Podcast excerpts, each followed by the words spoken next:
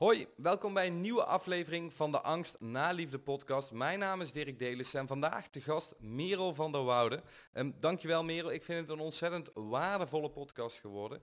Je gaat in deze podcast onder andere leren hoe jij ervoor kan zorgen dat jij in staat bent om echt te kiezen. Echt te kiezen voor een volwassen relatie, zodat je ook die persoon kunt ontmoeten die tegenover jou gaat staan en elke dag ook echt voor jou gaat kiezen. Het klinkt allemaal zo vanzelfsprekend, maar dat is het niet.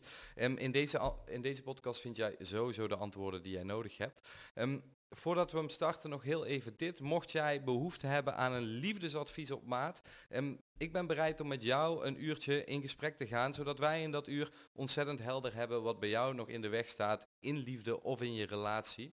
En natuurlijk hoe dit uh, op te lossen. Je kunt het gesprek inplannen door naar de link te gaan in de bio. En dan, uh, dan zie ik je daar. Merel, wat ontzettend fijn dat je tegenover me zit. Of dat we tegenover elkaar zitten. Ja, superleuk. Ik heb er heel veel zin in. Ja, welkom, welkom. Um, ik hou ervan om maar gewoon meteen uh, de diepte in te gaan. Uh, wie, wie is Merel? Wie zit er tegenover me? Mijn god, dat is ook echt zo'n grote vraag, hè? Zijn dat dan de labeltjes die we onszelf geven? Of, uh, of dat, is dat mijn businessrol? Of is dat mijn persoonlijke wie ik ben? Um, ik denk dat ik vooral... Um, laat, laten we beginnen met het laatste, zeg maar. Wie, wie, wie ben je echt? Hmm. Weet je wat grappig is?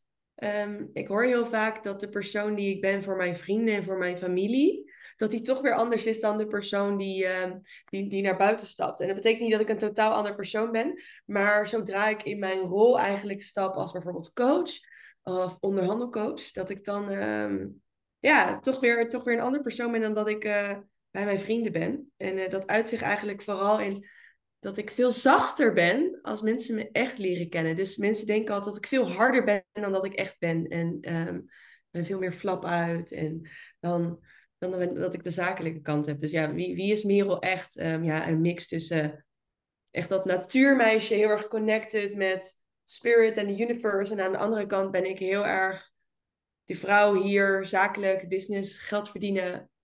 Um, je waarheid spreken, echt dat leven vol aangaan. Ik denk dat ik, denk dat ik vol zit met, met ja, zijn het polariteiten? Ja, ik denk het eigenlijk wel. Uh, weet je hoe ik mezelf heel vaak ook voorstel? Ik geloof echt dat ik 50% mijn moeder ben en 50% mijn vader. Als je naar familiesystemen kijkt, dan is dat ook zo. Dus mijn vader uh, is advocaat, is al, uh, ik denk, 40 jaar advocaat. Hij is 70 geworden. Nee, dus wel langer. Ik denk dat hij al 45 jaar advocaat is. En um, die is heel rationeel en alles moet uh, onderbouwd zijn. En emoties, nou, daar kan die vrij weinig mee. Dat moeten feiten zijn. En dan heb ik mijn moeder. Mijn moeder heeft altijd in de mode gewerkt. En die is heel spiritueel en die is heel zacht. En familie en altijd zorgen. Dus hier zie je ook precies in wie ik ben. En mijn vader is dan heel sportief en marathons lopen. En mijn moeder eigenlijk ook. Dus ja, daar ben ik, Merel. Aan de ene kant dus heel zacht, dieren, natuur, spiritueel verbinden. En aan de andere kant die harde kant met geld verdienen, business. En ik mag er staan en heel erg veel zelfvertrouwen. En ook die, die marathon mindset noem ik dat altijd van, we zijn zoveel sterker dan we denken. En we kunnen zoveel meer dan we denken. En ik denk dat dat de beste introductie is. Prachtig. Ja, het, het, geeft zoveel richting, zeg maar, aan wie jij volgens mij werkelijk bent. Hè? Dus, ja. Ik vind dat ook altijd mooi aan de vraag. En wat ik heel interessant vind, um, is wel interessant en, en, en ook wel, nou, niks is toeval, maar ik, ik, ik krijg die vraag zelf ook van ja, wie ben jij dan, uh, Dirk? En dan zeg ik altijd, aan de ene kant heb ik natuurlijk die, die, die daadkrachtige en die hele richting en echt dat, nou noem het dan meer masculien, zeg maar. Ik denk dat, ik vind verantwoordelijkheid nemen zo ontzettend belangrijk, weten wat je wil daarvoor gaan, um, de waarheid spreken, doen wat je zegt, zeggen wat je doet. En aan de andere kant heb ik ook die meer zachtere kant en die, die gezonde mannelijke zorgzaamheid, uh, masculine zorgzaamheid, waar we het pas ook nog op, uh, op Instagram ja. over hadden. En, en maar mooi hoe jij jezelf daar ook in introduceert. En heel interessant ook dat je daarin ziet van... hé, hey, dat, dat is een kant die ik heel erg van mijn vader heb meegekregen... en een kant die ik heel erg van mijn moeder heb meegekregen. En waar ik dan nog wel even benieuwd naar ben... waren die kanten altijd al helemaal zo in bloei zoals ze nu zijn? Of was er eigenlijk een hele sterke kant wat, waar je veel meer naartoe neigde in jouw leven? Ja, nee, ik denk dat, dat, ik denk dat die kanten zich continu afwisselden. En ik denk dat dat nog steeds wel een een spel is, een soort dynamiek waarin ik een balans probeer te vinden. En misschien is het woord balans, soms is het gewoon de zaak meer in die feminine kant en soms meer in die masculine kant. Ik denk toen ik jonger was, stond ik veel meer um, in, in de verbinding met de natuur, met met de universe of met hoe je het ook wil noemen. En toen ik, ging, toen ik ging studeren, ik heb rechten gestudeerd, net zoals mijn vader dus, ging ik veel meer in die masculine kant. Dus ook echt verantwoordelijkheid nemen. En op mijn dertiende ging ik, um, ging ik hoog, uh, ja, hoog sporten. Ik, ging, ik, ik deed de meerkamp. En um, daar sportte ik heel leuk op nationaal niveau. Dus daar kwam die masculine kant heel erg naar voren. Die heb ik toen heel erg ontwikkeld. Dus eigenlijk begon dat op mijn dertiende al steeds meer die masculine kant. 18 um, masculine kant van rechten gaan studeren. Weten wat je wil. Verantwoordelijkheid nemen. Ja zeggen, nee zeggen. Vooral ook je stem laten horen. Je mening overal opdrukken. Overal iets van vinden. Ik was echt veel... Toen werd ik opeens veel meer zwart-wit. En over de afgelopen jaren ben ik veel meer verzacht weer. En dat, dat, dat begon al wel tijdens mijn corporate carrière. Merkte ik wel al dat ik aan het verzachten was. Maar het, het, de laatste jaren kan ik steeds meer verzachten. Nu ik voor mezelf werk en ik veel meer bedenk van wat heb ik nodig, waar word ik blij van. En die verzachting betekent dan meer die feminine kant, meer dat, dat die overgave, of waar we het net voor, voor eigenlijk de podcast over hadden, even over hadden, zeg maar, ook eens bijvoorbeeld sales doen of verkopen vanuit flow en vanuit energie en niet vanuit dat trekken. Dat komt steeds meer, uh, meer in balans. Dus zowel dat masculine als dat feminine is denk ik de laatste jaren steeds meer balans. En dat masculine zie ik dan echt terugkomen in bijvoorbeeld mijn business of de drive om wel te gaan sporten. Uh, maar dat, dat feminine zie ik daar ook in terugkomen. Dat is grappig. Ook dus in sporten. Want ik ging van marathon lopen nu naar twee keer per week maar een half uur personal training doen. En uh, dat brengt mij zo ontzettend veel. Waar ik vroeger dan zou denken, nee, dat is niet goed. Ik moet hard trainen en ik moet kapot zijn. Um, kies ik dan nu van, oké, ik kies vanuit mijn masculine waarde van, ik wil sporten, want ik voel me er goed door en ik heb een sterk lijf en daarmee kan ik veel. Maar wel vanuit die feminine waarde van, oké, maar wat past er dan eigenlijk bij mij als vrouw? Zeg maar, heel leuk die topsport. Heel leuk dat je zo goed marathons kan lopen, maar is helemaal niet goed voor je hormonen. Um, dus zo zie ik dat het steeds meer in balans komt en dat ik kies. Prachtig, prachtig. Ja, ik, ik, hier heel veel dingen die je hieruit kan halen. Want het is vooral heel erg helpend. En hoe ik het zou, zou samenvatten, en ik denk dat jij, hoe het, hoe het klinkt, uh, Merel. Dat je een, een, een, een, een balans hebt, of nou, een balans niet het juiste woord. Dat je, dat je jou in jouw persoonlijkheid, ik noem het even jouw persoonlijkheid, in alle Laat ik hem nog simpeler maken. Je hebt een rugzak, zeg maar, die heb je op. En daarin zitten van beide spectrums, en je noemt dan even feminine, masculine. En beide spectrums heb je een aantal dingen die je in kan zetten in situaties. En vooral, um, je bent gaan snappen van, hey, op dit moment is het helpend om meer even de masculine tools uit die rugzak te halen. En in deze situatie is het juist veel fijner en veel helpender om wat meer vanuit de feminine kant die tools in te gaan zetten. Of ze te combineren. En ik denk dat dit vooral heel erg interessant is. En vooral in deze tijd waarin dus kamp feminin, als in heel veel vrouwelijke ondernemers bijvoorbeeld. Kamp masculin, als heel veel mannelijke ondernemers, die natuurlijk helemaal gaan staan voor een eigen kamp, een eigen doelgroep hebben. Hè, dus de vrouwen die in de limousine stappen met prachtige jurk en de mannen die gewichten staan te heffen met, uh, met sterke lijven. En ik vind het vooral interessant.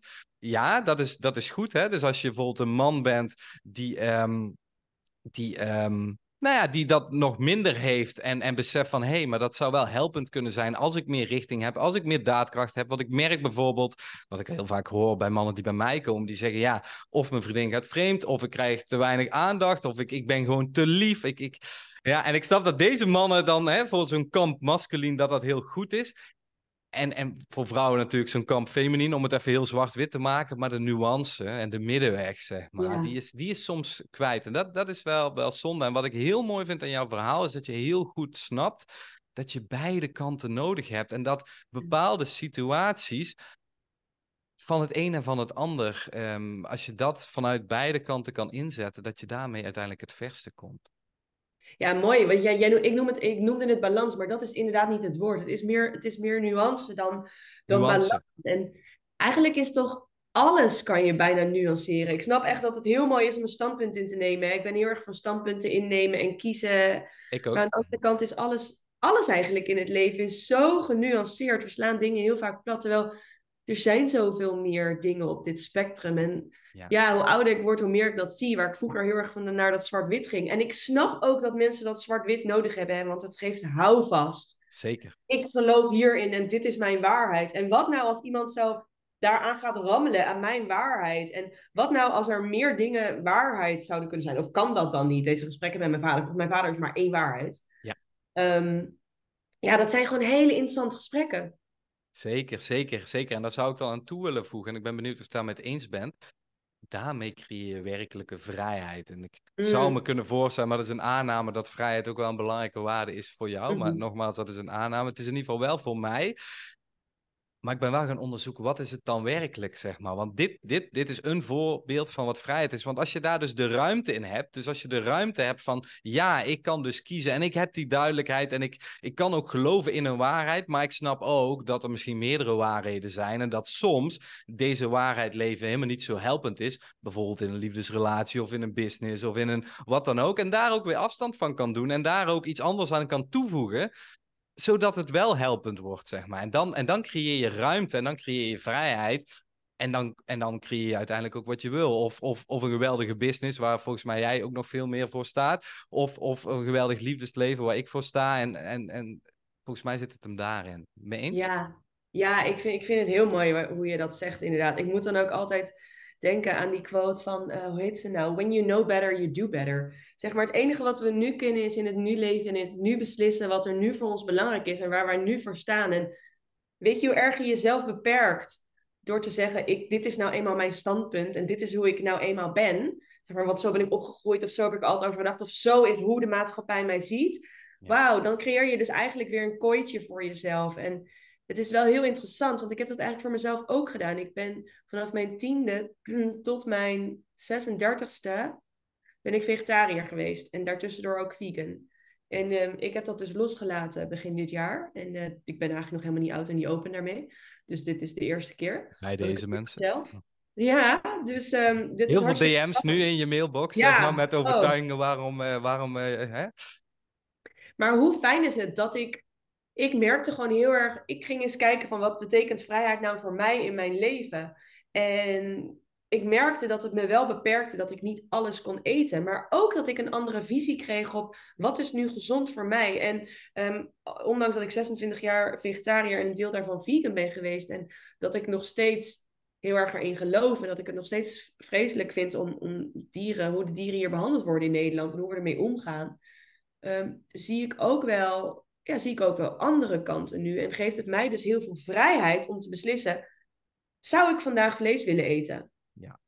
ja. Oh, en dat is zo, dat geeft me zoveel vrijheid. Dat, en dat, dat vertel ik ook vaak dan, ik zeg tegen, zeg tegen mezelf, maar ook tegen mijn klanten. Elke dag kun je eigenlijk opnieuw kiezen wie je bent en waar je voor staat en wat je wil zijn. Waarom zou iemand jou vertellen?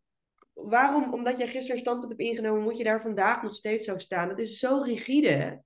Klopt. En zo was ik vroeger wel. Ja, ja, ja. En, dan ging ik dat maar verdedigen. Oh. Ja, ja, ja. Herken jij dat? Ja, nou, zeker, zeker. Ik ken, ik ken best wel veel. En, en, en, en dat is ook weer het, het mooie. En daar, dat, dat is een beetje waar we, de, de, rode lijn waar we nu op zitten, is natuurlijk nuances. Ik herken het zeker, zeg maar. En ik heb daarin denk ik heel veel werk gedaan om dus die vrijheid voor mezelf te creëren. En sterker nog, um, ik zit nu precies op dat punt waar jij zit ten aanzien van voedingkeuzes, zeg maar. Dus ik heb een tijd uh, vlees en zo, et cetera, gegeten in mijn leven. En toen ben ik naar uh, vegetariër overgegaan. En dat is vooral ontstaan omdat het eigenlijk niet goed voelde. Bepaalde dingen die ik altijd niet vanuit een bepaalde, weet ik veel wat, overtuiging, maar in mijn lichaam voelde dat gewoon dat ik denk, ja, dit klopt niet helemaal meer. Dat voelt niet goed. En nu zit ik daar, ben ik daar dus, heb ik dat in twijfel getrokken. Want toen is het uiteindelijk geworden van, oké, dus ik ben dan vegetariër en dat is dan de keuze geworden. En ik merk nu dat ik denk, maar ik onthoud me ook van alles. Soms voel ik echt wel van, oh, hé, hey, ik, ik ben nu eh, op Tenerife, hè, dus ik Sommige van mijn luisteraars weten dat ik woon in, de, in, in Parijs, in de stad van de liefde voor de liefde. Maar we hebben ook een, een, ehm, een droomappartement uiteindelijk op Tenerife. Dat is ook ontstaan vanuit liefde. Super mooi en daar ben ik dan nu.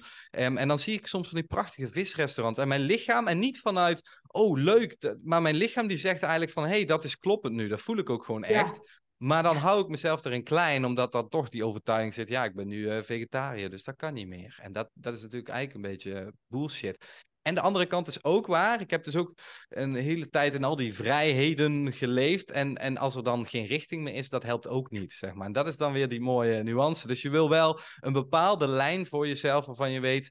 van, oh ja, dit werkt voor mij. En ik, ik heb dat ook bijvoorbeeld in liefde en relaties. Ik, ik kies echt voor mijn partner, zeg maar. En echt 100%. Ik heb wel ooit uh, op bijvoorbeeld um, Instagram gepost, waar ik best wel actief ben, van um, waarom heeft zij voor mij gekozen? Ja, ook omdat ik zo heel duidelijk voor haar koos, zeg maar. Oh, dus dat ik kan heb... ik me zo voorstellen. Ja. En volgens mij, maar jij bent een vrouw, dus jij kan daar nog meer, um, meer over zeggen. Maar dit vind ik wel een interessante. En ik ben heel benieuwd ook naar jouw mening, maar dat is in ieder geval hoe ik daarin sta, ook als mens, maar ook als uh, professional natuurlijk, als mentor in de liefde. Um, ik ontmoette haar, zeg maar, op Tenerife. Ik vond haar ontzettend leuk. En, en later kwam ik erachter dat zij mij ook heel erg leuk vindt. Maar dat wisten we eigenlijk niet. Beiden voelden ook wel, shit, we hebben iets te verliezen. Dat is bij, later, hè. Dus ik voelde vooral, ik heb iets te verliezen. Maar zij dus blijkbaar ook. Dus we waren ook wel voorzichtig. Um, en en toen, toen, toen ik op een gegeven moment, na een aantal weken, hadden we dus ge, uh, hadden we gekust met elkaar. En toen, uh, toen ging ik echt dates organiseren. Want ik dacht van, hé, hey, ik, ik vind het goed. Dus ik koos echt voor haar. En daarin ging zij mee, zeg maar. Dus zij, zij, zij vond me natuurlijk leuk, anders was er niks gebeurd. Maar zij heeft volgens mij ook echt genoten en het ook echt aangegaan, omdat ik zo duidelijk voor haar koos en echt die richting nam en zei van, hé, hey, en hier geloof ik in. En sterker nog, op de tweede date lagen we op het strand hier en toen keken we op een berg en er was een prachtige villa. En, en, en iets in mij zei, dus in het Engels zei ik dat tegen haar, want ze is Frans. Ik zei, Judith, I said, when we are together, the world is on our feet. Ik voelde gewoon van als wij samen zijn, dan gaat magie gebeuren. En ik zei het gewoon. En ik heb heel veel klanten die dan zeggen van ja, maar um, moet ik dan dit of moet ik dan dat? Ik zei maar als je gewoon authentiek bent en dat gewoon zegt. En zij zei toen, ja, en toen, toen wees ik zo naar die villa. Ik zei, kijk die villa. Ik zei, ooit kopen wij gewoon samen en uh, kopen we iets op Tenerife. En twee jaar en twee of één dag later hebben we niet die villa gekomen, wel een prachtig appartement. Dus ik heb daar echt, echt voor haar gekozen en voor een leven met haar. En dat, daar is zij ook op aangegaan. Ik krijg er echt kipvel van. Ja, ja, ja. Wat een prachtig verhaal. Ja. Wat een mooi voorbeeld ook. Ik kan me hier heel goed in vinden. Ja, want, want jij bent een vrouw, ik ben dat niet. Ik werk wel al 15 jaar met vrouwen, maar ik vind het altijd goed om het te blijven toetsen.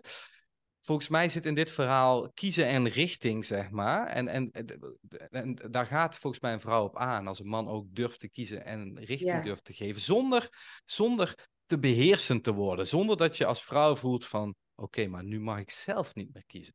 Ja. ja, ik vind het heerlijk als een man, zeg maar, dan echt voor mij kiest en ook richting geeft. En dan kan ik daar weer op reageren.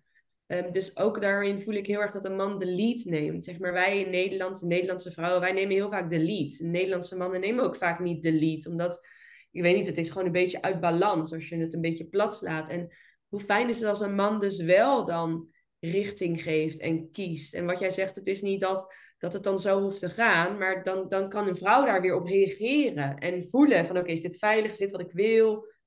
Ja, dat vind ik heel fijn. Want ik heb ook echt in relaties gezeten waarin ik dus juist die lead nam. Omdat er was zoveel onduidelijkheid en geen richting. En dat geeft heel veel onrust en onveiligheid bij, bij mij als vrouw in ieder geval. Waardoor ik dan denk, dan moet ik het zelf maar gaan regelen. Want ja, hij gaat die richting niet geven en hij gaat niet leiden. En oh jeetje, Klopt. En wat, wat voor gevoel geeft dat? Want ik, eh, acht van de tien klanten bij mij eh, geven dit aan. Wat voor gevoel geeft het jou? Ja, heel onveilig is dat. Echt, dan zit het hem echt vooral in die onveiligheid. Vind ik heel...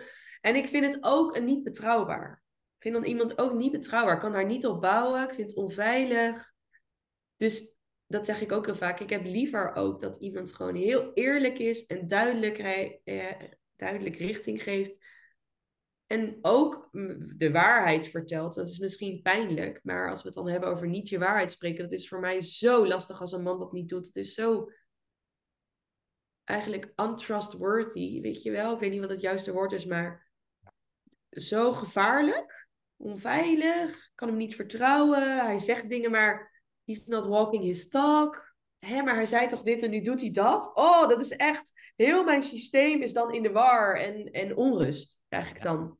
Ja, je zegt het juist woord ook systeem, want, want hoe ik dat altijd aan mensen ook uitleg, het is ook gewoon biologisch evolutionair bepaald, zeg maar. Een vrouw die, hè, als je dan heel ver terug in de tijd gaat, dat gaat gewoon om een, een, een kind baren en beschermen en zo. Dus dan moet, dan moet ja, die man, die moet, die, moet, die moet betrouwbaar en veilig zijn, want anders klopt dat niet. En dan zegt dat vrouwenlichaam letterlijk, hè, dus je zegt, je gebruikt het woord het systeem en je zou het kunnen zeggen als het, het vrouwenlichaam geeft dus eigenlijk al aan van, niet goed, klopt niet, onveilig. Ja. Alleen we zijn natuurlijk naar ons hoofd heel erg. We hebben ons hoofd heel erg mhm. ontwikkeld, ons brein. Super fijn, daar, plukken we ook de vruchten van. Maar ook zijn we daarin doorgeslagen. En daardoor horen we dus eigenlijk die signalen niet, zeg maar. Ook in liefde en relaties. Waardoor we, ja, waardoor we dus um, in niet helpende situaties komen. Ik vind dat zo mooi eh, wat je zegt inderdaad, dat wij veel meer in dat hoofd zitten, waardoor we niet meer echt dat kunnen voelen. Terwijl ik echt geloof dat ons lijf ons zoveel vertelt. En als ik ook terugga naar mijn verschillende relaties en gekeken heb hoe ik me heb gevoeld, dan heb ik het vanaf het begin eigenlijk geweten en gevoeld. En dat begint al bij bijvoorbeeld het samen slapen en bij iemand zitten en je veilig voelen. Ehm, of onrust voelen als je samen in bed ligt. Dat is dan weer echt voor mij eigenlijk een, een teken van dit is hem dan gewoon niet. En samen in bed liggen en gewoon helemaal lekker in slaap kunnen vallen en helemaal veilig voelen. En de man altijd bij de deur. Dat, dat wil ik dus ook, want dan, ja, dan dat is dus veiliger. Ja, dan vertelt mijn lichaam eigenlijk al wel een ja of een nee. Ja, en wat, wat, wat mooi dat je daar dus nu in ieder geval ook echt voor kan gaan staan. Want dat is volgens mij het, het belangrijke. En dat is ook een mooi bruggetje die ik nu ga maken, heel duidelijk. Naar, want, want je bent het waard, zeg maar. Je bent het waard om dat, om dat te doen. Hè? En dit is denk ik heel belangrijk. En of je nou op dit moment luistert als en je bent een man of je bent een vrouw. Um, het, het, het, geldt voor iedereen hetzelfde. Jij bent het waard, zeg maar, om gewoon om het beste te verdienen, zeg maar. En om jezelf geliefd en gehoord en begrepen te voelen. En om gewoon in een fijne relatie te zitten. En om gewoon het beste te krijgen. En, en, en dan helpt het wel om te leren van wat, wat zijn nou de juiste dingen in gedrag en in identiteit en in mindset en in karakter, et cetera om uiteindelijk dat beste ook terug te krijgen. Hè? Maar het begint, en dat is denk ik, um, maar daar ben ik benieuwd naar jouw mening. Het begint wel dat je in ieder geval jezelf dat echt waard vindt. En iedereen die denkt dat hij dat vindt, hè, dat is allemaal zo in je hoofd van ja, nee, maar uh, mijn eigen waarde echt wel oké, dit en dat. Nou, ik, ik werk al 15 jaar met mensen en ik werk al uh, eh, 34 jaar aan mezelf, zei ik altijd. En ik dacht altijd dat ik een bepaalde maat van eigenwaarde had, maar ik vind er elke keer weer een, een, een dieper level in. Maar ja. Um, ja, jij hebt er volgens mij een boek over geschreven en um, ja. dat, dat, volgens mij kun je hier nog veel meer over vertellen. Ja, voor mij is, is je bent het waard, zeg maar, die waarde echt de kern van, van, van ons zijn. Of we het onszelf waard vinden. Kijk, mijn boek is dan een boek, je bent het waard. En het is een deel financiële waarde en een deel eigenwaarde. En hoe het boek is ontstaan is eigenlijk omdat ik ben begonnen als onderhandelcoach. Waarbij ik vrouwen hielp om beter te onderhandelen over geld. En ik kwam erachter dat ik ze alle strategieën en alle methodes kon leren. Maar als zij niet in zichzelf geloofden dat zij het waard waren om dat salaris te krijgen, om die promotie te krijgen, om dat gesprek aan te gaan, om daar een gelijkwaardige gesprekspartner aan tafel te zijn, als ze dat niet geloofden, dan werd het ook geen succesvolle onderhandeling. Dan werd het ook niet een gelijkwaardig onderhandeling. En daar, daar, ja, dat leerde mij zo ontzettend veel. Dat, ja, we leren in ons schoolsysteem heel vaak alle strategieën en alle methoden en alles hoofdelijk. En, maar dat eigenwaarde, dat is een gevoel. En daarom is hij ook zo ongrijpbaar, maar wel zo nodig. Want Klopt. we kunnen inderdaad, wat jij zegt, wel zeggen en denken: ja, ik ben het waard om voor de liefde te kiezen. Ik ben het waard om een fijn huis te hebben. Ik ben het waard om leuke vriendschappen te hebben. Of ik ben het waard om naar het buitenland te verhuizen. Of ik ben het waard om, om goed voor mezelf te zorgen. Maar voel je het ook echt, zeg maar? Iets zeggen en echt iets, zeg maar, embodyen, voelen in je lichaam dat het echt zo is, dat is echt wat anders. En ik, ik zie dit wel als een hele, een hele journey, het stuk naar, naar eigenwaarde. Ja, ja, eens. Helemaal mee eens. En, en, en dus, dus eigenlijk wat je hierin zegt, dat is dus zoveel meer dan heel vaak tegen jezelf zeggen dat je het waard bent. Hè? Ja, het is echt, ja, het is juist dat stukje, niet alleen het zeggen van het hoofd, maar echt naar het helemaal integreren in je lijf. Dus wat jij ook net zegt, we leren zoveel in ons hoofd. Maar nee, dit is, dat stukje eigenwaarde is echt het voelen in je lijf van dat je het waard bent. Want echt, het is, maakt zo'n verschil of iemand tegenover jou zit en die voelt dat hij of zij het waard is om voor deze liefde te kiezen, of om die baan te krijgen. Dan krijgen ze die sparkle in hun ogen en dan wil jij eigenlijk niks anders dan bij die persoon zijn of daarmee samenwerken of daar iets van kopen of in die energie intappen. En dat is niet die strategie of die, of die tactiek. Nee, dat is dat stukje eigenwaarde dat ik geloof in mezelf. En weet je, je geeft daarmee anderen ook de toestemming om volledig te geloven in zichzelf. Ja, helemaal mee eens. En misschien een mooi voorbeeld wat ik ook vaak deel met, uh, met, met mensen die bijvoorbeeld vastlopen op liefde en relatie. En dan hebben we het over van, hey, welke persoon moet je eigenlijk zijn om, mm. Om dus ook die partner te hebben of te krijgen die jij verdient en die jij wil dat hij is. Want dat zegt dus ook iets over jezelf. En dan spreek ik vaak over identiteit. En dan geef ik vaak het voorbeeld van mijn, uh, van mijn partner. Mijn partner werkte jarenlang in een mediabedrijf in, uh, in Parijs. Had een, een best goede baan, moest ontzettend hard werken en kreeg daar een oké salaris voor. En toen op een gegeven moment besefte zij, maar dit wil ik niet meer, zeg maar. Ik wil niet, en dat zeggen mensen komen ooit bij mij, die zeggen, ja, ik heb een relatie, maar het is, ja, is, het matcht niet met mijn ambities. Mijn liefdesleven matcht niet met mijn ambities. En dat was bij haar ook. Dus, dus ik, ik, business en liefde, ik geef het vaak vice versa als voorbeeld, want, want het, het, gaat namelijk over hetzelfde. En over iets anders, maar ergens ook over hetzelfde. En dus, dus haar baan matchte eigenlijk niet met haar ambities. Haar liefdesleven op dat moment trouwens ook niet. Maar wat zij toen heeft gedaan, zij besefte... hé, hey, maar er is dus iets in mij, in mijn identiteit, in mijn totale zijn... wat nog is bij deze baan. Maar ik wil naar die andere baan. Nou, toen heeft ze een, eh, een nieuwe master gedaan in de marketing. En toen zag ze op een gegeven moment Salesforce. Natuurlijk een van de grotere Amerikaanse softwarebedrijven. En toen dacht ze, wie moet ik dus zijn om daar gewoon de top lead te worden, zeg maar. Daar gewoon top director te worden. En dat heeft ze natuurlijk ook gedaan in bepaalde kledingkeuzes, maar, maar nog veel breder op, op, op, op gedragsniveau, op spiritueel niveau, op allerlei niveaus, is zij dus gaan werken om dat te zijn. En uiteindelijk, via via, heeft ze daar, uh, uiteindelijk ja, moet je dat tien jobinterviews hebben, zeg maar. Maar nu, nu, is, is, nu stuurt ze een heel team aan in België, of in, in, in, in, in, Frankrijk, in... Um, in Duitsland, Italië, Spanje, zeg maar. En, en organiseert ze de grootste events voor, uh, voor Salesforce. Gaat ze naar San Francisco en krijgt ze dat topsalaris. En dat, en, maar zo werkt het dus ook in liefde, zeg maar. En volgens mij, dat is ook wat, wat delen waar jouw boek volgens mij over gaat. Van wat moet je dus, aan welke knoppen moet je dus draaien om die uitkomst te krijgen waar je zo naar verlangt. En daarin vinden we elkaar. Want hè, jij, jij helpt misschien vrouwen daarmee meer op het gebied van business en ver daarbuiten. En, en, en ik help mensen daarin bij liefde en ver daarbuiten maar het zijn eigenlijk dezelfde knoppen en het is op dezelfde manier aan die knoppen draaien. Ja, ik, ja, ik geloof dat echt. En het is, ja, het is mooi hoe jij dat uitlegt. Je legt het heel makkelijk uit aan het, inderdaad aan die knoppen draaien. Ik, ja, ik geloof, dat, ik geloof dat helemaal. En dat voorbeeld van je vrouw vind ik ook heel mooi, zeg maar. We zien, weet je, zeg maar, als we doen wat we altijd deden, dan krijgen we wat we altijd kregen, hè? Je kent hem, echt maar. En dat, dat is natuurlijk wel wat je ziet, zeg maar, vaak zijn we nog de persoon die we, die we nu zijn in een bepaald leven? Maar inderdaad, vind zo maar wat je zegt, wie zou je dan willen zijn? En hoe ziet dat leven er dan uit? En in welke rol stap je dan? Ja, ik weet niet of je het per se een rol wil noemen, maar hoe, hoe kleed je je dan? Hoe gedraag je je dan? Met wie ga je om? Ehm, wat lees je? Wat kijk je? Hoeveel sport je? Met wat voed je je? Zowel, um, zowel qua social media, maar ook als, als voeding.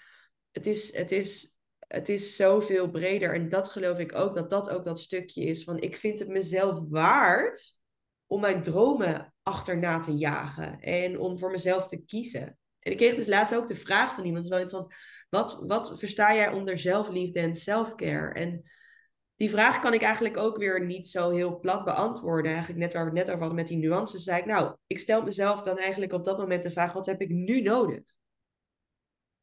Wat heb ik nu nodig? Dus er, er is niet één definitie voor self-care en voor self-love of voor eigenwaarde of voor... Die is er gewoon niet. Ook niet voor succes of voor gezondheid. Of voor liefde of voor een gelukkige relatie. Ja. ja. ja, dus die is er gewoon niet. Het is alleen je vraag stellen van, wat betekent liefde voor mij?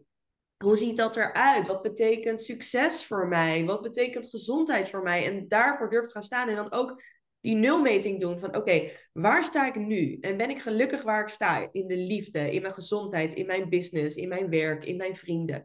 Oké, je kunt jezelf daar gewoon een cijfer geven. En waar zou ik heel graag willen staan? En daar zie je dat er gewoon een gat zit. En dat is, dat is waar we kunnen werken. En als jij jezelf voldoende waard vindt om naar je dromen toe te werken, dan kun je elke dag een stapje zetten. Helemaal mee eens. En, en dat is het dus ook waard, want dan ga je dus groeien, zeg maar. Dan ga je groeien en dan komen ook de juiste dingen op je pad. En ik denk dat het, dus dit, dit is wel interessant. En ik, ehm, mensen, mensen hebben vaak wel een wens, um, maar, maar de bereidheid om daar te mm. komen, dat, dat, dat, is, dat maakt wel het verschil, zeg maar. Maar, maar ook ook, en dit is dan misschien meer een stukje mindset, op een gegeven moment moet je gaan snappen dat, dat um, veel van hetzelfde doen of, of bepaalde keuzes maken, dat dat niet altijd leidt tot het gewenste resultaat. En dan helpt het dus enorm om eens te kijken van, hey, waarom zijn die mensen wel daar waar ik wil zijn en ik bijvoorbeeld niet. En dat is gewoon met liefde en eerlijkheid. Ik zeg altijd, het eerste wat je altijd, eh, wat ik mensen altijd leer, ik ben oké, het is oké. Dus kijk daar met liefde aan, maar durf ook gewoon fucking eerlijk te zijn naar jezelf. Ja. Van wat, wat, hè? En dat is weer die nuance, hè? Dus, dus ik ben oké, het is oké, en nu fucking eerlijk zijn vanuit het is helemaal oké oké, ja, dit, dit is niet helpend. En dit, dit, deze overtuiging of dit gedrag, ja, dat, dat brengt me helemaal niet uh, naar die ideale partner of naar die fijne relatie of naar dat topbedrijf of whatever. Um, oké, en wat heb ik hierin te leren? En deze twee dingen zijn volgens mij de cruciaal, uh, cruciaal voor um, succes op elk gebied, zeg maar. Eén, accepteer waar je jezelf vindt. En twee, ben fucking eerlijk naar jezelf. En drie, ga er dan mee, uh, mee aan de slag. Ja, die bereidheid om inderdaad dan ook die stappen te zetten. Die, die nummer drie is ook zo groot. Ik, ik weet zeker dat jij ook heel veel mensen krijgt die dan, die dan heel veel mooie dromen hebben. Of dat nou de liefde is of een business. Of... Er lopen zoveel mensen hier op deze aardbodem rond met ontzettend mooie dromen. Maar het verschil tussen mensen die, die succesvol zijn, die, of, dat is alleen dat stapje van doen. Het is alleen dat stapje gaan doen. Klopt. Klopt. Ja, en dat is dus ook ook in liefde en relaties. Hè? Kijk, kijk, met veel stellen en communicatie bijvoorbeeld. Dat is gewoon lastig. Maar uiteindelijk kom je in een soort van stamien. En je wilt, je wilt gaan beïnvloeden. Maar dat is dus ook een kwestie van doen. Of als je kijkt naar seksualiteit, dat is ook gewoon. Daar kunnen we heel veel over praten. Maar het is ook gewoon gaan doen. Het is dus gewoon uh, elke zondagavond. Nee, en niemand wil dat afspreken, zeg maar. En ja, elke seksuoloog bijvoorbeeld die adviseert het, omdat het gewoon helpt, zeg maar. Om gewoon te gaan afspreken. Elke zondagavond gaan we intiem zijn, of gaan we seks hebben samen, of gaan we. En dat helpt, zeg maar. Dus dat is ook gewoon gaan doen, want. want ja, en daar moet je dus ook eerlijk zijn. Ik heb, ik heb wel ooit mensen uh, tegenover me, bijvoorbeeld mannen, en die, die zeggen: ja, maar uh, ja, te weinig seks. En, uh, maar wat het, het meest moeilijke is, is dat als je er echt over hebt, dat ze het ergens ook wel eng vinden om er echt voor te gaan staan. Om bijvoorbeeld echt te gaan staan voor bepaalde behoeftes die ze hebben. Of dat gezond, dominante, mannelijke gedrag. Of, en zo kan ik ook voorbeelden geven van vrouwen. En ja, dat is ook lastig, zeg maar. Dus ik ben daar done that so many times. Dus ik weet ook persoonlijk hoe het is. En natuurlijk uh, al die mensen die ik tegenover me heb. Maar, maar het is ook gewoon gaan doen, zeg maar. Het is ook gewoon gaan doen. Want daar zit de verandering. Daar zit de verandering. Ja, en weet je waar ik dat ook in merk? Zeg maar in dat hele spirituele stuk waarin ik ook, waarin ik ook veel bezig ben, zeg maar. Dus dan heb ik het over het vele mediteren, weet je wel, de ayahuasca ceremonies, de mushrooms, de truffles, zeg maar de vrouwencirkels, het bij elkaar komen en Weet het is allemaal echt prachtig om die verbinding aan te gaan met elkaar, met jezelf en steeds meer te leren. Maar uiteindelijk, weet je, waar, waar, de, waar de echte verandering zit, is niet als jij op je meditatiekussentjes of ik hier ochtends zit te mediteren met mijn lekkere muziek en mijn Palo Santo. Nee, when shit hits the fan, zeg maar. That's when the work is getting, you know, really getting done, zeg maar. Hoe ben jij dan als je getriggerd bent in de supermarkt of in het verkeer of in je relatie of dat je gewoon in je familie, weet je wel, zeg maar hoe ga je dan om? Zeg maar, dat is ook de real deal. En dat is dus ook het werk doen. En dat zie je soms wel. Dat, nee, je ziet van super veel mooie practices. En ik doe dat ook allemaal. Maar ik zie pas echt of ik gegroeid ben als er iets op mijn pad komt wat ik lastig vind. Waarin ik uit mijn comfortzone zit. Waarin iemand mij triggert. En dan kan ik zien. Kan ik nu anders met deze situatie omgaan? Kan ik er nu mee omgaan hoe ik het graag zou willen? Kan ik erbij blijven? Kan ik niet boos worden? Kan ik kiezen? Zeg maar, ik, kan ik bewust kiezen hoe ik nu reageer op deze situatie? Wat heb ik ervan geleerd? Ik kan het ergens niet meer mee eens zijn dan dit, zeg maar. En ehm, ik deel hier niet zo heel vaak over, maar ik ben ook yoga- en meditatiedocent. Ik ben heel veel in Azië geweest, allerlei spirituele reizen. Ik ben overal geweest in Osho-centers en ik heb het echt 9 van de 10 allemaal gezien. Um, heel veel van geleerd ook. En ook heel veel weer van losgelaten, bewust. Ja. Um, ook heel veel mensen ontmoet die, die spiritualiteit als een soort van vermijding gebruiken. En inderdaad aan dat ene stuk blijven zitten. En nog meer ayahuasca-ceremonies doen. En nog meer mediteren. En nog meer hula booba. Maar uiteindelijk gewoon in het hier en nu gewoon nog steeds dezelfde shit hebben, zeg maar. En dan, dan schiet het zijn doel voorbij. Dus ja, dat is een prachtig, helemaal mee eens, prachtig nuance van ja, je moet aan, dus op het spiritueel pad kun je bepaal het werk doen, maar aan de andere kant moet je ook in het hier en nu gewoon, daar, daar, daar gebeurt het uiteindelijk. En dan kun je dit meenemen naar de andere kant. Mensen die, die kijken zien mij ook een handgebaar maken. Ehm, maar daar gebeurt het wel. En dat, dat, dat is met alles zo, zeg maar. Mensen gaan doen van alles, doen, doen echt van alles. Alleen, eh, ja, op moment is het dus helpend. Is het helpend wat je doet, zeg maar. Um, en, en dus is het niet, ziet het er allemaal cool uit? Of doe je de juiste dingen? Of eet je, waar we het begin van het gesprek, hè, ja, ben je vegan en, uh, en je, je, je gaat naar die hippe tentjes en je bent, uh, je loopt te flyeren voor GroenLinks en uh, whatever, zeg maar. Ik vind daar trouwens niks van. Um, maar maar als je uiteindelijk uh, al je relaties uh, overhoop liggen met mensen en, uh, en, en, en ja, de, de, andere dingen die, die er echt uiteindelijk te doen in het leven zijn gewoon niet oké. Ja, dan, dan is het een soort van schijn, zeg maar. Daar, ja. ja. Ik las laatst ook iemand, het was een onderzoek gedaan, volgens mij door Harvard University. En um, de mate van je geluk hangt af van, um, de, van jouw relaties. Dus hoe, hoeveel healthy rela relaties je hebt. En die vond ik ook super interessant. En waar ik opeens ook aan moet denken, waar ik dan zelf weer heel veel van geleerd heb. In 2012 ging ik een zen-boeddhisme opleiding doen. Um, dat is zeg maar de traditioneel traditionele Japanse manier van meditatie. Dus dat was echt ook echt training of the spine. Dus dat was twee keer per dag minimaal 20 minuten voor een witte muur zitten, mediteren, ogen halve meter. Ogen open, hè? Ogen open. Hè? Ogen open, ogen open. Geen geluid, niks. Bam, gewoon zitten, zitten, zitten. Training of the spine. Maakt niet uit wat spine gaat doen, weet je. Je gedachten verzetten. En ik heb er heel veel van geleerd. En ik las ook het boek Leer denken wat je wilt denken in die periode. Ik ging daarna ook naar Japan om daar meer te leren over het zen-boeddhisme. En ik kwam daar dus. En ik, uh, ja, ik, ik zat er toen nog helemaal in. Het was 2012, weet je wel. Ik zat lekker in mijn masculine, maar ik ging wel mediteren en ik ging wel heel veel leren. Toen kwam ik daar bij die Japanse zenmeester en die gaf een hele mooie sessie. En we gingen zitten en ik zo een beetje zo mijn ogen open. En iedereen had zijn handen anders. En sommige mensen zaten heel hard te ademen en de hele tijd te bewegen. En uh, ja, ik had geleerd gewoon training of the spine, ogen open, vooruit kijken, niet bewegen, niet te hard, niet te, weet je wel, niet hard ademen, handen altijd op deze manier in de cirkel. Ik was er zo rigide ingegaan. Dus ik ging aan het einde naar die zenmaster toe. Toen zei ik, maar waarom zit iedereen anders? En waarom, uh, het, het is zo grappig hoe ik zo vast was gaan zitten weer in die regeltjes van hoe het moest, hoe het zen-boeddhisme beoefend moest worden. Oh, wat vervelend. Gewoon dat ik mezelf zo in de weg zit van, ik heb dan wat nieuws geleerd, wat me dan heel veel vrijheid eigenlijk gaat geven en ruimte. En wat deed ik? Nee, ik legde mezelf eigenlijk zo weer vast met handboeien van, nee, en nu moet je twee keer per dag op de grond, of misschien, nou, misschien een meditatiekussentje, twee keer per dag 20 minuten mediteren, ogen vooruit. En het moet op deze manier, want anders werkt het niet. En die zenmaster keek echt naar mij en zei hij, You've got to let it work for you. En toen dacht ik, ding ding, oh ja. Dat is nu een beetje mijn motto geworden. You gotta let it work for you. En dat doe ik eigenlijk met alles. Ik heb zoveel klanten, misschien is dat bij jou ook, die dan naar mij vragen: Kan ik, nou, uh, kan ik dat nou doen? Kan ik dit vragen? Dat zei jij net eigenlijk ook al. Maar wie vragen we nou weer toestemming?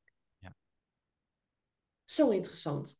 Ja, ja mega. Ook zeer herkenbaar trouwens. Ook van dat, dat, mijn reis op het spirituele pad. Dat ik uiteindelijk ook elke dag mediteer. En allemaal heel strak en zo. Kijk, wat, wat ik het meest interessante vind. Daar heb ik het vaak met, eh, met mensen over. Wat is dat ene ding wat je eigenlijk overal in doet? En dit is dan even credits naar uh, Tibor. Die dat natuurlijk heel veel uh, doseert. Hè? Ja. En ook, ook niet volgens mij bedacht door hem. Maar, maar, maar hij gaat er helemaal voor staan. En dat klopt. Dus, dus wat is dat ene ding wat je in alles doet als het bijvoorbeeld lastig wordt? Of als het, en dat is, je ziet dat ook in relaties, je ziet dat in bedrijf. En je ziet dat dus ook in spirituele beoefening, zeg maar. Het is gewoon weer hetzelfde. Perfectionistisch doorduwen, zeg maar. En, en jezelf klein houden. Of, en, dat, en, en dat is interessant, want als je dat ene ding, als je daar steeds meer bewust van bent, ja, dan, dan beïnvloed je dus op al die niveaus die ik net ook uh, aanhaalde, kun je dat dus beïnvloeden, zeg maar. Maar dan heb je dus wel iets of iemand nodig die heel goed kan kijken, wat is dat ene ding, zeg maar. Ja, ik vraag me nu ook af wat dat dan inderdaad bij mij is. Dat is wel interessant. Ik vond dit wel een mega eye-opener. Dat ik dan altijd het allemaal zo serieus neem dat het dan moet gaan zoals het moet gaan. Ja ik wil dat ik daar veel, uh, veel aan heb gewerkt, maar het is een hele mooie vraag inderdaad. Ja, ja, ja, ja. ja. Hey, ik ben benieuwd, uh, Merel, hoe sta je op dit moment in de liefde? dacht, ik, dacht, ik wist natuurlijk wel dat hij ging komen. Nou, mm, ik ben aan het daten. En het is echt heel leuk. En um, ja, ja, wat wil ik erover vertellen? Wat wil ik erover kwijt? Ja, dat, dat, dat is een goede ja, misschien... vraag. Wat zeg je? Dat is een goede vraag. Ja, ook omdat ik het natuurlijk helemaal niet met hem besproken heb. Nee. Um, maar jouw voorbeeld, wat jij zei over jouw vrouw of vriendin, is jouw vrouw? Nee, vriendin. Over jouw vriendin. Ja. Um, van dat jij echt zei van ik, ik kies jou en ik kies jou. We hebben dat dus ook allebei naar elkaar uitgesproken. Hij eerst naar mij. En dat gaf mij zoveel rust en veiligheid en richting. En hij zei, ik voel gewoon dat jij het bent en ik ga jou elke dag opnieuw kiezen. En elke dag zegt hij dus ook tegen mij, ik kies jou. En dan zeg ik ook, ik kies jou ook. En ik vind het super spannend. Want ik kom uit een best wel een, een lastige situatie. Een lastige relatie de afgelopen anderhalf jaar. En nu opeens staat daar dan opeens zo'n... Die man. die ik wilde. Een soort van die hele veilige, masculine man. Die, die mannencirkels organiseert. Die, die... Nou, ik snap er helemaal niks van. Of eigenlijk snap ik het precies wel. Dit is wat ik heel erg verlang. Dit is waar ik naar droomde. Dit is ook interessant. Dit is ook wat ik opschreef. Wat ik in een man zocht. En ik was helemaal niet op zoek naar een man. Ik ging nog door die break-up. Ik was gaan zitten met de pijn. Ik was gaan zitten met alles. Ik ging door alle emoties heen. Elke dag. Ja, twee, nou, drie maanden, tweeënhalve maand lang. Gewoon niet afleiding met daten of met andere mannen of seks. Gewoon nee, gewoon met jezelf gaan zitten in je emoties. En als ze opkomen er doorheen werken. Met mijn boosheid, met mijn verdriet.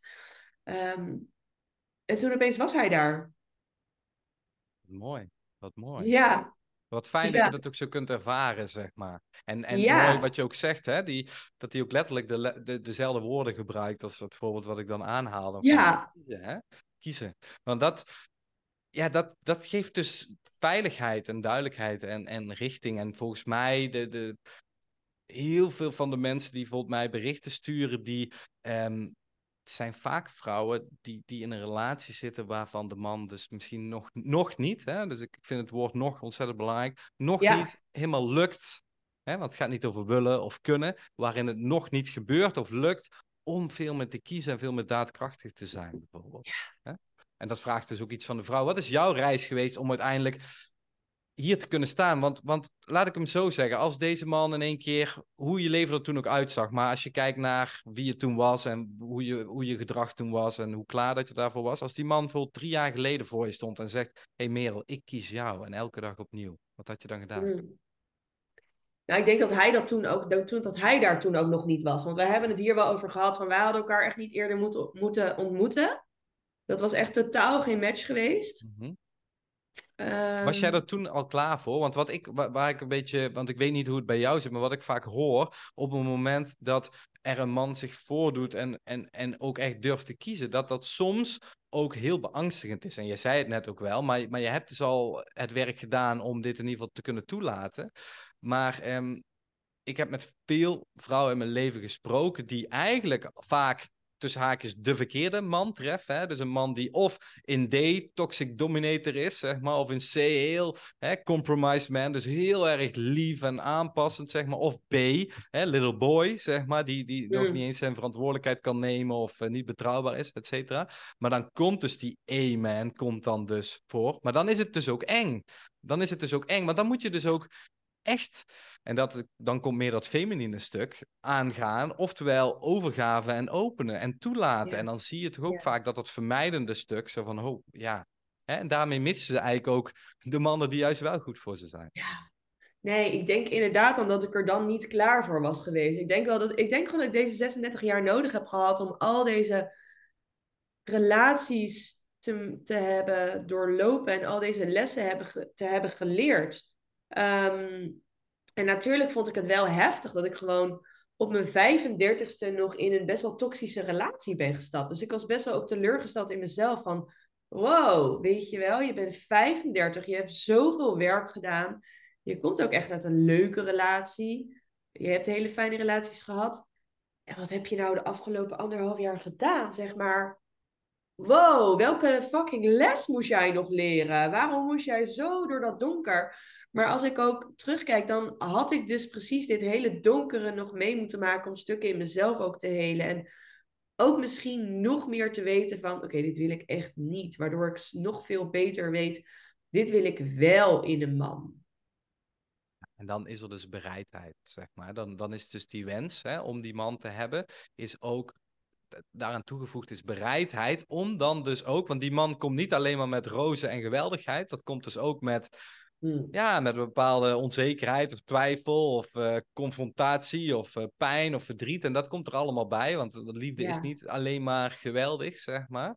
Um, misschien nog een mooie op, op in te gaan, maar dan, dan ben je dus bereid om de totaal package te, te accepteren. En ik, ik, wat, ik, waar, waar, ik, wat ik daar aan toe wil voegen, mensen denken vaak dat een gezonde relatie, dat het alleen maar geweldig is. En dan denkt iedereen, nee, maar dat weet toch iedereen? Ja, dat weet iedereen, maar ergens tegenwoordig ook niet, zeg maar. Want ja. als je kijkt naar, noem ik even onze generatie, ja, die weten het wel rationeel, maar of ze er echt naar handelen is een andere vraag. Hoeveel relaties dan toch maar weer uitgaan. En het scheidingspercentage is natuurlijk extreem hoog, zeg maar. En trouwens ook wat het kost. Hè? Ik heb daar vaak met mensen over die zeggen van, ah ja, stel die komen dan bij mij en dat. En dan uh, gaat het over de investeringen. En zeggen ze, ah ja, ja, ja, oké, moeten we dan wel uh, wat geld voor vrijhouden. Ik zeg maar, één, het gaat je leven transformeren. Zeg maar, wat is je relatie waard? Wat is jouw leven waard? Wat ben je zelf waard? Ja, ja nee, dat is waar. Ik zei, wat, wat is het waard om, uh, om een scheiding te voorkomen? Zeg maar. Let, let maar eens op. En dan gaat het niet eens om geld wat dat kost, maar wat dat kost aan ellende en, en voor je kids en voor, voor al, op al die niveaus. Wat de prijs is, de figuurlijke prijs die je daarvoor betaalt, zeg maar. Ja, ja ik vind dat wel echt een mooie. Ik denk dat ik dat ik sinds kort pas echt de bereidheid heb om ook echt te blijven if shit hits the fan. Ik denk dit, echt dit is precies het ding. Dit is het ding. Ja, ik denk echt wel dat ik heel vaak in relaties heb gezeten waarin ik dan uiteindelijk dacht, ja doei. Weet je wel, ik, ik, ik wil niet zeggen dat ik snel wegliep, maar ik, wil, ik denk wel dat ik nu wel veel meer bereid ben om echt veel meer te werken.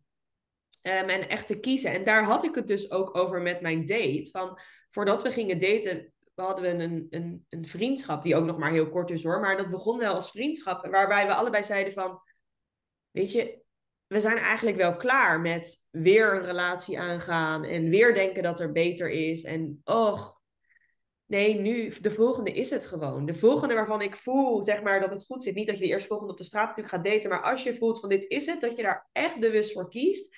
En dat je dus gaat zeggen, maar hier ga ik gewoon de rest van mijn leven, dat is het idee, hier ga ik de rest van mijn leven mee delen. Of in ieder geval die insteek hebben. En vroeger had ik dat helemaal niet. Dan dacht ik, ja, nee hoor, zolang het leuk is, dan ga ik. Precies, precies. Hè? Dus meer die vermijdende dynamiek, zeg mhm. maar. Hè? Die ja.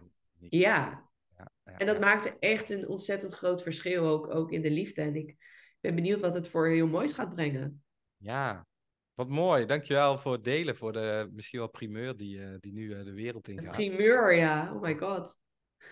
Leuk, leuk. Ik ben, uh, ik ben heel benieuwd ja, het klinkt gewoon ontzettend goed. En vooral, vooral hoe, je, hoe je daarin staat. Kijk, er moeten een aantal dingen aanwezig zijn. En die zijn aanwezig volgens mij. Want, hè, dus jullie hebben een connectie en er is een aantrekkingskracht. En, en, er is een, en, en er is een bereidheid voor samen. Maar er is ook een interne bereidheid. Want die hoor ik heel duidelijk. Een interne bereidheid om echt de relatie, misschien wel, als het een relatie wordt, maar zo klinkt het wel, dat jullie daar volgens mij bereid zijn om daar in ieder geval naartoe te werken.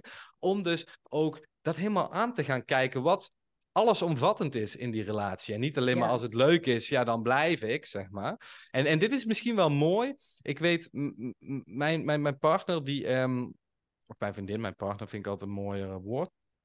Um, en dekt meer de lading.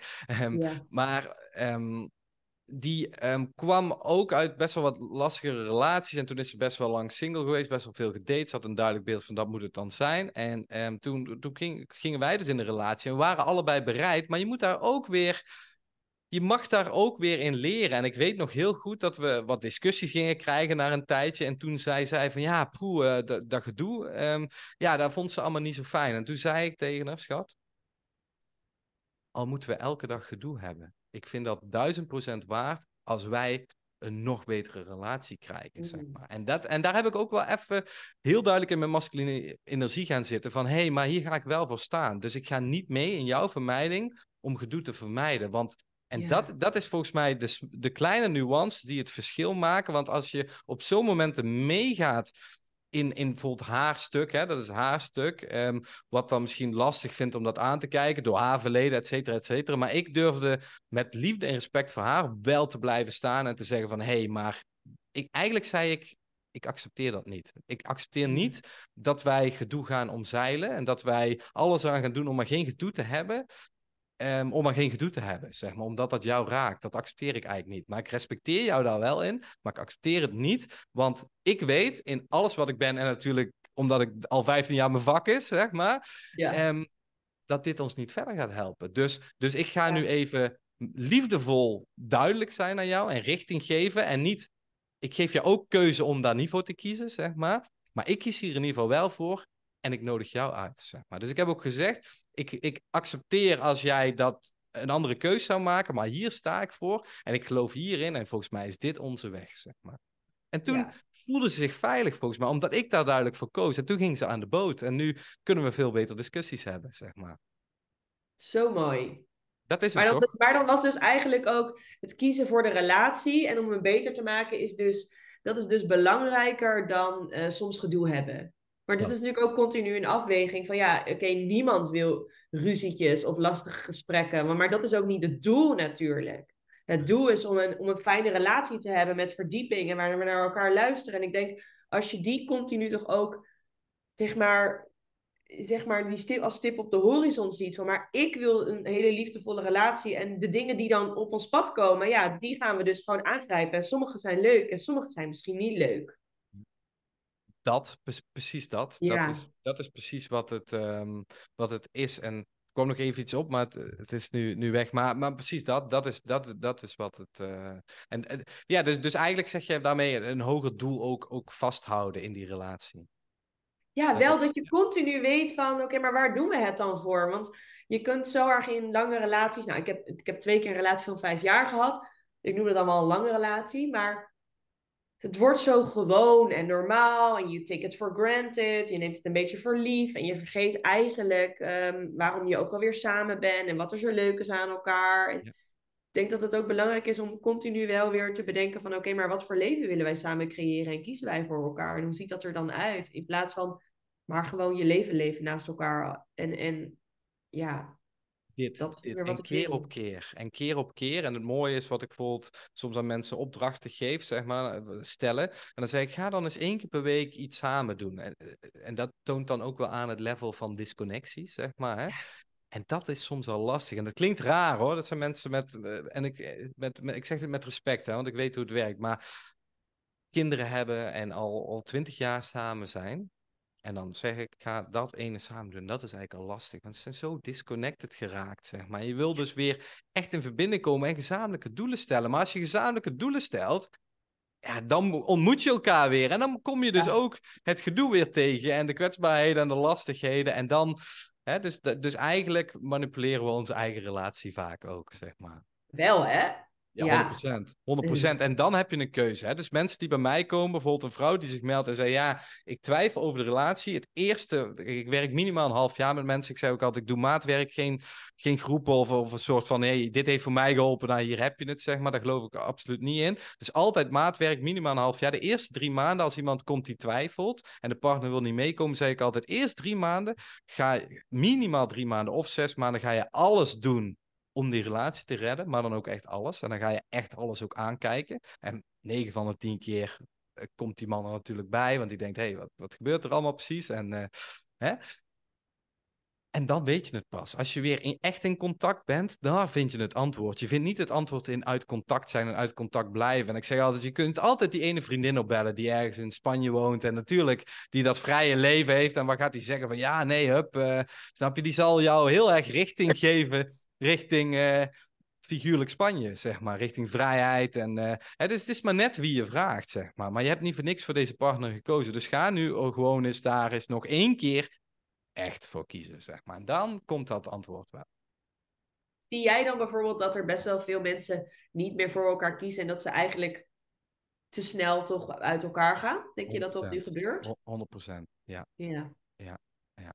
Ja, 100 procent. En dat is echt zonde. En ook, en dat, dat is soms het. het, het, het, kijk, Misschien een, een heel raar voorbeeld, maar zo werkt het wel. Kijk, als jij, uh, als je al eh, twintig jaar bakker bent, zeg maar, en je ziet tegenwoordig allemaal van die, van die snelle supermarktenbroodjes komen, dan zie je toch ook van, ja, nee, jongens, zo zonde, snap je? Ja, het is niet, niet verkeerd, maar het is zo zonde. Het kan zoveel beter. En we verdienen zoveel beter. En zo kijk ik naar gedrag, naar contact, naar relaties, naar communicatie. Ik weet dat het zo anders kan. En ik weet dat, dat mensen door bepaalde dingen in hun verleden of door bepaalde, nou, door allerlei redenen.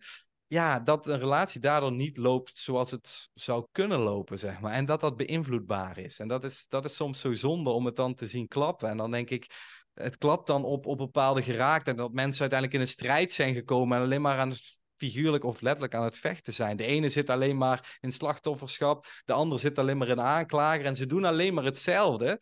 Ja, en dan draait het ook, dan is de uitkomst ook alleen maar hetzelfde. En dat is, dat is zo zonde, want met die ene juiste dingen op de juiste moment, zeg maar, kun je dat dus beïnvloeden en, en, en, en is de uitkomst ook anders. Wauw. Ja, ik ben dus ook in relatietherapie gegaan met, met die relatie die zo lastig was. Ja. Ik vond het echt amazing. Ik vond het echt een eye-opener. Ik vond het echt geweldig. Ik vond het ook pijnlijk, maar ik vond het zo prachtig om te zien hoe snel er veranderingen plaatsvonden en hoe snel je beter leert communiceren en elkaar leert begrijpen. En ja, ja die relatie heeft het niet gered, maar die relatietherapie, ja, die, ik zou die veel sneller inzetten. En niet als, als ja, if shit hits the fan. Nee, daarvoor al eigenlijk. 100%, 100%. En, en sterker nog, je zou hem ook gewoon in kunnen zetten omdat je denkt van, hé, hey, dit is goud wat we hebben en, en we willen het goud behouden of we willen hem juist uh, diamant maken, zeg maar. Ik weet, um, bijvoorbeeld eh, toen ik mijn huidige partner ontmoette, heb ik weer een therapeut die, die echt heel goed is en waar ik enorm, uh, ja, wat, die mij ook heel veel in het leven heeft geholpen, zeg maar. Ik geloof ook dat een goede professional altijd weer een andere goede professional naast zich heeft om te zorgen dat je ook die professional kan zijn. Um, dus ik heb een aantal gesprekken ook met haar gehad, zeg maar. Omdat ik toch nog wat stukjes merkte en dacht ik dacht, hoe zonde is dat? Dit is zo'n leuke vrouw. We, zijn, we hebben het zo goed samen. Dus ik wil dat het ook gewoon echt heel goed is, zeg maar. En dat, uh, ja, ja dat, dat, zou iedereen zichzelf mogen gunnen, denk ik. Dat hè, ook het jezelf mogen gunnen. Want Denk je dat het nog een taboe is, zeg maar, naar, de relatie, naar relatietherapie gaan? Of denk je dat dat in Nederland wel steeds meer geaccepteerd wordt en wordt gezien als wauw? Of, of wordt het nog gezien, ja, dan doe je als het slecht gaat met je relatie? Ja, ja ik, ik ben dan geneigd om daar heel snel antwoord op te geven. En ik besef ook dat ik nog zoveel niet zie. Als we dan bijvoorbeeld naar Nederland kijken. Ik zit natuurlijk ook in bepaalde kringen. Hè? Dus, Maar als ik, als ik het helemaal breed zou trekken, denk ik dat, um, dat er heel veel mensen daar niet voor kiezen. Dat is denk ik wat het is. Ik denk dat heel veel mensen er niet voor kiezen om, uh, om de relatie te transformeren naar, uh, ja, naar beter, gezonder, bevredigender. Uh, ja. ja. Jammer. Ik, ik zou al echt nu naar mijn eigen ervaring zeggen van, oh mijn, oh mijn god, ik zou echt veel sneller in relatietherapie ja. gaan. Echt. Ja, ja. Maar dat is natuurlijk met heel, heel veel dingen dat, um, ja, waar, waar kiezen we voor, zeg maar? We kiezen voor de nieuwe iPhone en... ja. Ja, ja, eh, meer hoef ik eigenlijk niet te zeggen, toch? Daar kiezen we voor. Ja, maar uiteindelijk is alles natuurlijk een keuze. Dat is zo interessant. Ja. ja. dat doet, bij sommige mensen doet dat pijn. Dan prik je een beetje, dan prik je een beetje in. Dan zegt maar ik heb helemaal geen keuze hoor. Want uh, dit is mijn leven en dit is wat er gebeurt. En uh, dit is wat mij is overkomen. En dat gaat de rest van mijn leven gaat het niet veranderen. Ja. Maar we hebben natuurlijk altijd een keuze. We hebben altijd een keuze hoe we omgaan met een bepaalde situatie. En natuurlijk, we, gaan, we hebben geen keuze in wat ons overkomt. Sommige dingen over, overkomen ons nou eenmaal. Maar wel we kunnen wel kiezen hoe we met zo'n situatie omgaan. 100%. Ik, eh, ik zeg het ook heel vaak. En toen in één keer schrok ik, zeg maar. Toen, um, mijn moeder heeft, heeft kanker, is ernstig ziek. En toen schrok ik, zeg maar. En toen dacht ik van, hé, hey, je hebt altijd een keuze. En toen ging ik daar nog op een dieper level over nadenken. Totdat ik vervolgens het boek tegenkwam van um, mevrouw is een hele, hele bekende psycholoog, zeg maar. En zij is opgegroeid in, of zij heeft een tijd op Auschwitz gewoond. Of ja, nee, gewoond, je woont daar niet. Die moest verblijven op oh, Auschwitz. Dr. Edith Eger. Ja, Edith Eger. De keuze. En, en haar, haar ouders zijn letterlijk volgens mij vermoord op Auschwitz. En zij zegt dus, precies wat jij net zei, wat ik ook altijd zei. Je hebt altijd de keuze. En toen ben ik dat gaan lezen en toen dacht ik, Dirk, het klopt. Je hebt gewoon altijd de keuze. Dus nee, je hebt niet altijd de keuze wat je overkomt, maar wel hoe je daarnaar kijkt en hoe je daarmee omgaat. En bijvoorbeeld hoe ik nu naar de situatie van mijn moeder kijk. Ik voel voor, 80, nou, voor 85% dankbaarheid of meer. Want, want kijk, we gaan allemaal dood. Maar bij haar is het nog duidelijker dat ze doodgaat, zeg maar, een keer. Um, en wellicht eerder dan, dan bijvoorbeeld mijn vader, zeg maar, statistisch gezien. En ik ben zoveel meer aan het genieten. En niet aan het genieten omdat ik haar overal heen breng. Ik heb, maar gewoon dat, dat ik bijvoorbeeld een vliegtuig pak naar Nederland, dat ik daar twee weken gewoon woon bij mijn ouders. Gewoon eens even verblijf en gewoon met haar naar de supermarkt lopen, zeg maar. En gewoon, gewoon naar, de, naar de plusloop in Uden, snap je? Naar de plusloop in Uden, door dat parkje. En het mooie is, hè, ik heb natuurlijk, uh, ja, ik heb, ik heb veel van de wereld gezien, zeg maar. En dan loop ik door Uden. En dan zegt ze, oh, en dit straatje en dat. En dan vertelt ze en dan denk ik, wauw, daar heb ik gewoon kippenvel op mijn armen. En dan denk ik, ja, maar dit, dit, dit, hier draait het dan uiteindelijk echt om, zeg maar. Dat, dat snap je? En dat... Um, ja, dat vind ik zo mooi dat je dat zegt. Ja, maar dat zijn wel die momenten die er dan toe doen, hè? Ja, ja. Dat zijn de momenten die er, uh, die er werkelijk toe doen. Ja. ja. Prachtig. Wat, hebben wij een, um, een, een puur gesprek. Ja, we zijn het ook zo eens. Ik moet er gewoon ja, we zijn het gewoon eens. Waar zijn we het over oneens, Merel? ja, misschien is dat wel leuk om uit te zoeken. Waar zijn we het over oneens? Ja, ja. Ja, geen flauw idee eigenlijk. Nee, nee. Nou ja, we kunnen iets gaan bedenken, maar dat, dat zal misschien niet heel krachtig worden. Maar wie weet komen we in de komende tijd wel iets tegen waar we het oneens zijn. En dan gaan we gewoon nog eens een podcast opnemen met alle dingen waar we het uh, samen over oneens zijn. Ja, ja. Ja ik vind het uh, ontzettend waardevol um, om, om met jou te spreken, zeg maar. En ik vind het, um, je bent, een, je bent een, een, wijze vrouw, Merel. Je bent een wijze vrouw en um, je bent een hele lieve vrouw ook. Dus er is heel veel liefde in jou, zeg maar. En er is natuurlijk ook, en dat, dat is denk ik het mooie, wa waarom jij volgens mij, of dat weet ik wel zeker, ontzettend goed bent in wat je doet. Hè? Je organiseert ook, ook retreats en je hebt natuurlijk je boek. En je, volgens mij doe ik één op één met werk je met vrouwen. En volgens mij, of ik weet zeker dat je daar heel goed in bent. Want aan de ene kant snap je echt wat liefde is, zeg maar. En mhm. dat doorleef je en dat zie ik aan alles. En aan de andere kant weet je gewoon dat het ook gewoon, ja, work needs to be fucking done, zeg maar. Maar wel vanuit liefde. Hè? Dus niet vanuit een overcompensatie of vanuit een heftige masculine kant, maar gewoon vanuit die liefde pure kern van jou. En dat gewoon gaan doen en dat aankijken. En dat maakt jou een ontzettend liefdevol, krachtig persoon. Mm, wat lief van je, dankjewel. Dat vind ik uh, mega mooi om te horen. Ja, dat is wat ik zie. En uh, ik wil je enorm uh, bedanken voor dit gesprek en dat je, ja, dat je hier was. Dankjewel. Ik wil jou ook enorm bedanken. Ik vond het uh, een prachtig gesprek en ik vind het zo mooi wat je doet. En ook thanks dat je jouw mooie verhaal deelde over ja, hoe je daar op het stand lag met Judith en wat jullie voor visie hadden en hoe je dan durfde te kiezen en richting te geven. Ja, dat nog veel meer stellen dit gewoon mogen ervaren. Dat hoop ik. Dat, dat zeg maar. En, en, en prachtig dat, dat jij volgens ook zegt van hé, hey, maar dat is letterlijk wat er nu tegen mij gezegd wordt. Dus ja. um, ga het leven, zeg maar. Ga het, uh, ga, het, ga het leven en ook alles wat je daarin tegenkomt. Um, kijk dat aan, zeg maar. Dat is de weg. Dat is de weg. Ja, dat, uh, dat ben ik aan het doen. Dus uh, dank je wel. Dit was hij dan, de podcast. Nogmaals dank aan Merel en vooral respect voor jou, degene die tot het eind hebben gekeken of geluisterd. Dit gaat jou echt verder helpen in de liefde en ver daarbuiten.